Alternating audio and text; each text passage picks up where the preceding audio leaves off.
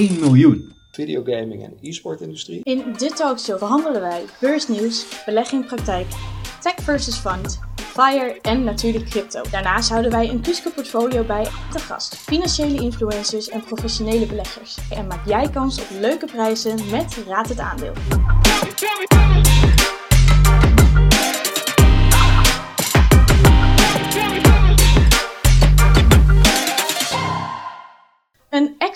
Interview met Martijn Roosemuller, CEO van Vanek Europe. Beleggers Academy legt je uit wat een ETF is. Tot slot maak je kans op het boek Common Stocks and Uncommon Profits van Philip Fisher bij Raad het Aandeel. Beleggen in praktijk, Beleggers Academy. Beginnen met beleggen?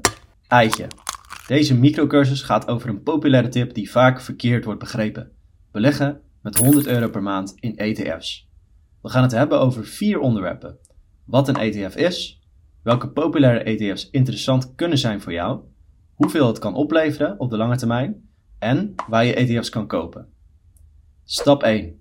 Wat is een ETF?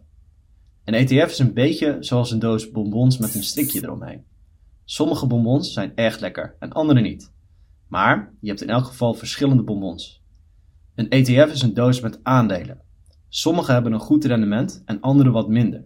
Als je net begint met beleggen, kun je niet voorspellen welke er beter gaan renderen. Beetje hetzelfde als met bonbons. Als je ze nog nooit geproefd hebt, dan weet je ook niet hoe ze smaken, toch? Stap 2. Wat is de juiste ETF? De meest gekochte ETF belegt in 500 grote Amerikaanse aandelen, zoals Apple en Google. Misschien heb je wel eens van de SP 500 gehoord. Het gemiddelde rendement hiervan is 8%. Maar pas op, dit rendement schommelt enorm. In het slechtste jaar, 2008, heeft de ETF een rendement van min 39% laten zien. En in de afgelopen drie jaar waren de rendementen juist heel hoog. 28%, 16% en 24%. Deze schommelingen maken echter niet uit wanneer jij voor de lange termijn belegt. Een onderzoek van een grote Amerikaanse vermogensbeheerder, Vanguard, laat zien dat de beste beleggers mensen zijn die hun inloggegevens kwijt zijn. En de jaarlijkse kosten die je betaalt aan de ETF om erin te beleggen zijn 0,1%. Als je 100 euro in de ETF belegt, moet je 10 eurocent per jaar betalen voor een gemiddelde opbrengst van 8% per jaar. Stap 3. Hoeveel kun je verdienen met 100 euro per maand? Dit zal je wellicht verbazen. Maar door het magische effect van rente op rente kan jij ook met maar 100 euro per maand miljonair worden. Let me explain. Rente op rente is wanneer jij rente ontvangt op eerder ontvangen rente. Je belegt 100 euro en ontvangt 8% rendement. Het jaar erna ontvang je rendement op 108 euro. Heb je deze quote van Einstein wel eens gehoord? Rente op rente is het achtste wereldwonder. En dan nu door naar wat jij hiermee kan verdienen. Vraag. Hoeveel heb je geïnvesteerd na 62 jaar wanneer je 100 euro per maand inlegt? Het antwoord is 84.000 euro. Lekker gedaan. Maar wat nou als je dat had belegd? Met een gemiddeld marktrendement van 7% komt het uit op 1 miljoen. Niet gek voor een keer een avondje minder uit eten of voor een paar schoenen minder kopen. Stap 4. Waar koop je een ETF? Op dit moment heeft het zin om een rekening te openen bij de Giro. Ze zijn voor aandelen niet de goedkoopste, maar voor ETF's wel.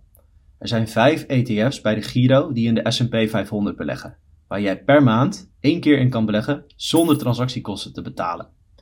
Als je een rekening bij de Giro hebt geopend, dat kost ongeveer 15 minuutjes, kun je de ETF opzoeken en deze aankopen. Het maakt volgens de wetenschap niet uit wanneer je dit doet. Zelfs als de koers nu hoog lijkt, is het zo goed als zeker dat je over 10 jaar nog steeds dikke winst hebt. Samenvattend, een ETF is een belegging waarmee je in meerdere aandelen tegelijkertijd belegt. De meest populaire ETF belegt in de S&P 500. 500 grote Amerikaanse aandelen zoals Apple en Google. Als je 62 jaar lang elke maand 100 euro in aandelen belegt, ben je aan het einde van die 62 jaar miljonair. Als laatste, ETF's kun je goedkoop aanschaffen bij de Giro. Maak een screenshot van deze samenvatting of bookmark deze post zodat je het niet vergeet. Fondsen en ETF's. Nou, nu je weet wat een ETF is, uh, gaan we verder naar Martijn Roosemuller. Hij is CEO van, van Egg Europe. Wat ik me afvroeg, wat zijn nou populaire ETF's bij de nieuwe belegger? Nou, wat we gemerkt hebben, ik dacht zelf altijd van, hè, als je beginnende belegger bent, dan wil je iets een beetje saais en een beetje hè, weinig risico, veel gespreid. Uh, maar blijkt dat nieuwe beleggers eigenlijk juist veel meer aangetrokken zijn tot thematische ETF's. Hè, dus ETF's e die een bepaald thema uh, ja, bespelen. En de eerste keer dat ik daarachter kwam was eigenlijk een jaar of twee geleden. Toen begonnen we met een nieuwe ETF die volgt videogaming en e-sport industrie. Nou, die bleek dus hartstikke populair te worden. Um, in het begin dacht ik, goh, dat is eigenlijk best gek, want het is een hele specifieke uh, ja, uh, niche eigenlijk, hè, waar, waar die in belegt. Uh, maar later begreep ik het wel, want stel dat je nieuw bent met beleggen, dan is het prettig om ergens in te beleggen waar je een heel concreet beeld bij hebt. Nou goed, en zeker de jongere belegger, die kent natuurlijk dat hele videogaming segment.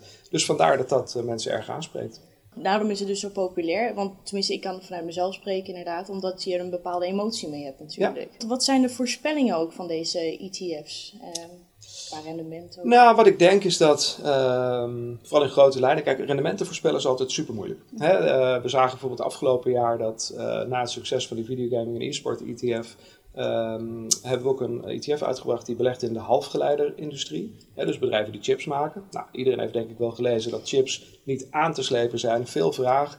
Dus die bedrijven deden het ook supergoed. De ETF ging hard omhoog. Heel veel interesse in. Um, ja, en dan zie je dat als dat een beetje draait. Hè, want zeker de afgelopen weken zie je dat juist die techbedrijven het weer veel moeilijker hebben.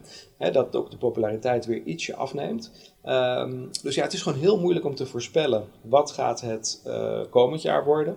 Hè, we hebben bijvoorbeeld een waterstof-ETF, nou, die belegt in bedrijven die uh, echt die energietransitie faciliteren. Nou, natuurlijk super belangrijk in het kader van hè, alle ESG-dingen ja. uh, die we eigenlijk willen bereiken. De, de, nou ja, hè, het, het, klimaatneutraal uh, worden. Um, ja, ik verwacht dat die populair zal zijn. Ik verwacht dat die ook zal groeien.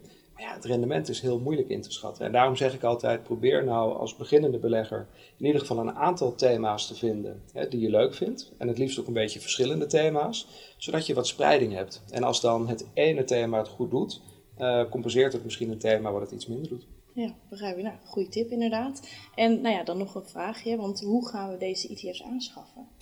Ja, nou dat is ook voor beginnende beleggers best moeilijk vaak. Hè? Want dan nemen ze contact met ons op en dan zeggen ze: Goh, prachtig, maar hoe word ik klant? Nou, om een ETF te kopen heb je een beleggingsrekening nodig. Hè, bij een bank of bij een broker. Nou, er zijn talloze voorbeelden in Nederland. Um, en ja, die bank of broker waar je die effectenrekening hebt, die zorgt er eigenlijk voor dat je dus toegang krijgt tot de beurs, waar de ETF's genoteerd zijn. En op die manier kan je ze kopen. Nou, bij sommige bankenbrokers is dat, uh, laten we zeggen, echt execution only. En, uh, maar er zijn ook banken en brokers die hebben ook nog de mogelijkheid om bijvoorbeeld periodiek te beleggen. Mm -hmm. Nou, als ik mensen één tip mag geven, dan is het toch, ga eigenlijk een periodieke belegging doen. Zorg dat je een incasso uh, regelt. Zorg dat je iedere maand, het liefst net nadat je salaris binnengekomen is, uh, bijvoorbeeld 100 of, of 200 euro belegt. Want dat automatisme, dat zorgt ervoor dat je op lange termijn nou ja, niet alleen hè, je aan je eigen plan gaat houden, maar dat je het ook volhoudt en, en dat je dus eigenlijk ja, meer vermogen opbouwt dan wanneer je zegt van nou, ik ga dat iedere maand heus wel doen. Want dan zul je zien dat er af en toe eens een maand uh, tussendoor komt waarin je besluit, nu even niet, want ja. ik ben twee keer uit eten geweest en ik heb er nu geen geld voor. Ja, ik ken het. Het is hetzelfde met sporten of iets. Ja, toch? ja, top. Nou, hartstikke bedankt. Dankjewel Bart van Beleggers Academy voor de heldere uitleg wat een ETF is. En Martijn, ik wil jou bedanken voor het delen van de populaire ETF's onder de nieuwe belegger. Spreiden is van belang binnen portfolio. Daarom voegen wij de S&P 500 ETF en de eSports en Videogaming ETF aan ons Kuske portfolio toe. Kuske bedankt haar vrienden van Eck en Beurspro die de talkshow mede mogelijk hebben gemaakt. Adviezen zijn gegeven op persoonlijke titel en onafhankelijk van Kuske tot stand gekomen. Deze talkshow bestaat uit vier blokken. Beursnieuws, beleggen in praktijk, tech versus fund, fire en crypto. Bekijk, luister of lees de blokken via YouTube, Instagram of op de website www.kuske.com. Zoals gewoonlijk sluiten we deze show af met Raad het aandeel. Raad het aandeel. In elke talkshow kan jij een prijs winnen door een aandeel te raden aan de hand van een raadsel. Deze kan je invullen op www.kuske.com raad het aandeel. De winnaars worden in de volgende talkshow bekendgemaakt en zijn terug te zien op de website. Welk aandeel slash bedrijf uit de Nasdaq beens lekker weg, maar werd keihard afgestraft alleen maar omdat ze de te hoge verwachtingen niet waarmaken en hierdoor de verwachtingsbubbel uiteenspatten. Wat resulteerde dat de koers in één week tijd met ruim 30% kelderde. Ga naar www.kuske.com slash raad het aandeel. Vul het aandeel in en maak kans op een van de vijf boeken Common Stocks en Uncommon Profits van Philip Fisher. De aanrader van de succesvolle swingtrader Jordi van der Pas en Warren Buffett. Wekelijks een nieuw item. What's up next? Edgar de Haas van Trading Strategy analyseert Just Eat Takeaway. Raoul Esserboom van CryptoTakkies deelt zijn heldere kijk op de cryptowereld. En Roy Kuske Volger deelt zijn ervaring. Daarnaast deel ik, Sita Sengedu, hoe jij jouw portfolio kan indelen en wat persoonlijke financiën zijn.